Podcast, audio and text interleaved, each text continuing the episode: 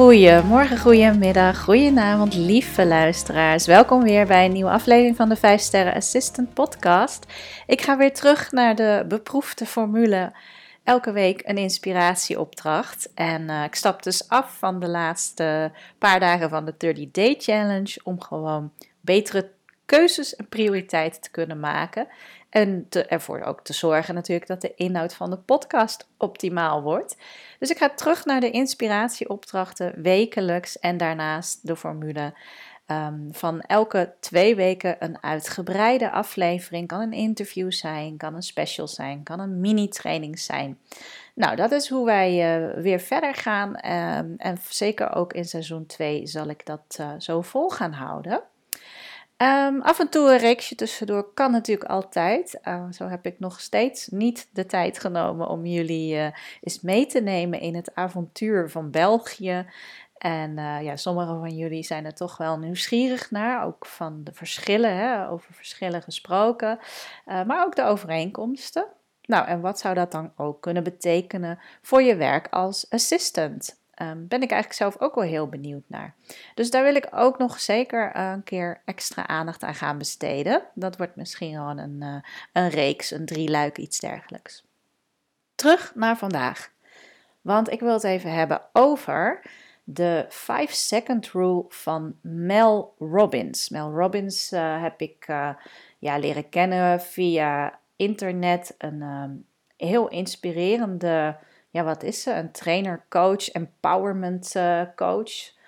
En uh, zij spreekt ook graag voor grote, volle zalen. Uh, in Amerika is dat, ja, dat is heel normaal, hè, dat je op het podium staat als spreker, als trainer. En hier natuurlijk is dat ook wel normaal, maar zijn het toch vaak dezelfde mensen die het doen? Nou, in Amerika is net even wat meer keuze aan coaches en empowerment mensen. Ehm, en daarvan viel mij Mel Robbins heel erg op. Uh, ook toen zij kwam, jaren geleden is het hoor, want ze heeft nu alweer iets anders. Uh, maar de vijf uh, seconden regel eigenlijk, um, ja, die vond ik geweldig, omdat het ook, ja, als je het nagaat voor jezelf, ik zal het zo uitleggen natuurlijk, maar als je het nagaat, dan werkt het gewoon ook echt zo. En daar hou ik altijd van. Als, als ik tools of technieken of inzichten aangereikt krijg, dat bij mij ook het kwartje valt van ja, de, als je het zo bekijkt, ja natuurlijk. Dus wat houdt het nou in, de 5 seconden regel? Wat zij zegt is, um, en zij is vast niet de enige daarin, maar als je vanuit je gut feeling, als je intuïtief of gewoon vanuit je, je boldness, eh, dus hè, je moedigheid, als je intuïtief, of ja, misschien is het niet eens intuïtief, je weet gewoon glashelder, oké, dit is wat ik wil doen nu, dit is een actie. een voorbeeld, je staat op een netwerkbijeenkomst. Er staat daar iemand en je denkt: Oh man, die persoon, die moet ik echt eens spreken. Want ja, als ik die persoon in mijn netwerk krijg, dan gaat dat deuren voor me openen. Ik kan ook echt iets voor die persoon betekenen. Maar ja, er zijn zoveel mensen om hem of haar heen. Oh jeetje. Nou, en daar ga je dus al. Dus je hebt eigenlijk besloten van: daar moet ik heen. Die persoon wil ik spreken. Je wilt opstaan. En dan begint na vijf seconden begint je mind, dan beginnen gewoon de gedachten met jou een loopje te nemen. Want je gedachten, je mind, die gaan allerlei argumenten inbrengen van ja, maar staat dat niet stom? Wie ben ik nou om daar uh, tussen al die andere uh, hoge pieven ineens aan te komen van ik wil kennis met je maken. Ja, ik ben die en die en die. Ja, dat ga je toch niet doen? Nou, voor je het weet, uh, je, je, staat al helemaal niet meer op. je denkt, het was een goed idee, maar ja, ach, the moment is gone. Uh, ik blijf gewoon zitten, ik ga wel met iemand anders praten. Nou, dat is natuurlijk zonde en dat doen we waarschijnlijk echt veel, veel, veel keren meer dan we willen toegeven. Maar we hebben vaak heel goede ingevingen. En dat kan net zo goed ook thuis zijn achter je laptop dat je denkt: Oh, ik zou die of die eens even een berichtje moeten sturen. Of. Uh, ah ja, ja, ja, weet je, ik ben heel druk geweest en een aantal dingen, um, ja, dat zint me gewoon niet hoe dat gaat. Ik zou eens uh, echt even willen uitzoomen en agenda willen pakken om tijd te blokken om eens te kijken naar een andere manier waarop ik met mijn focusmanagement uh, andere impuls ga ga creëren voor mezelf. Dat ik niet, niet weer einde van de dag denk, ja, heel leuk, ik heb heel veel gedaan, maar niet dat ene ding waar ik nou zo blij van word. Hè? Om maar even iets te noemen.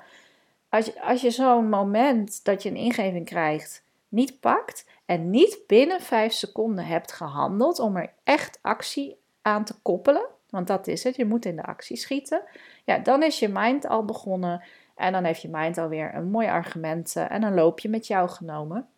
Mooi argument eh, ingebracht waar je naar luistert en ook van denkt, ja, dat is waar.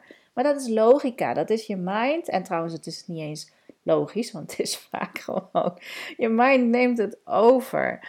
En uh, die ingevingen en je, je gut feeling, hoe lang op de dag ben je vanuit daar nou echt aan het werken? als je al veel informatie tot je neemt, eh, je e-mails doorscant, je bent veel met informatie bezig als werk. Dus je hebt je hoofd hard nodig. En dat zorgt er wel voor dat je die vijf seconden ja, vaak mist. Dus ik vind hem echt geweldig. De 5 Second Rule van Mel Robbins. Er is een filmpje op YouTube. Ik zal het anders in de show notes uh, erbij zetten. Dan kun je het eens bekijken. Want het is enorm inspirerend hoe zij het brengt. Omdat het gewoon je weet gewoon dat het eigenlijk wel zo werkt. Dus bedenk je niet langer dan 5 seconden. Doe het gewoon meteen. Uh, ja, pak dat magic moment uh, van kracht, want dat zie ik wel zo. Het is echt een krachtige ingeving. Luister ernaar, handel meteen daarnaar en laat je mind gewoon lekker daarna babbelen wat hij wil. Maar jij bent al vertrokken en jij hebt het al in gang gezet. Dus uh, ja, ook noten zelf natuurlijk. Uh, voor mij geldt exact hetzelfde. Daarom deel ik het graag met jullie. Ik vind het uh, een mooie leidraad, een mooie tool. En ik wens jullie verder nog een heel fijne week. Tot de volgende!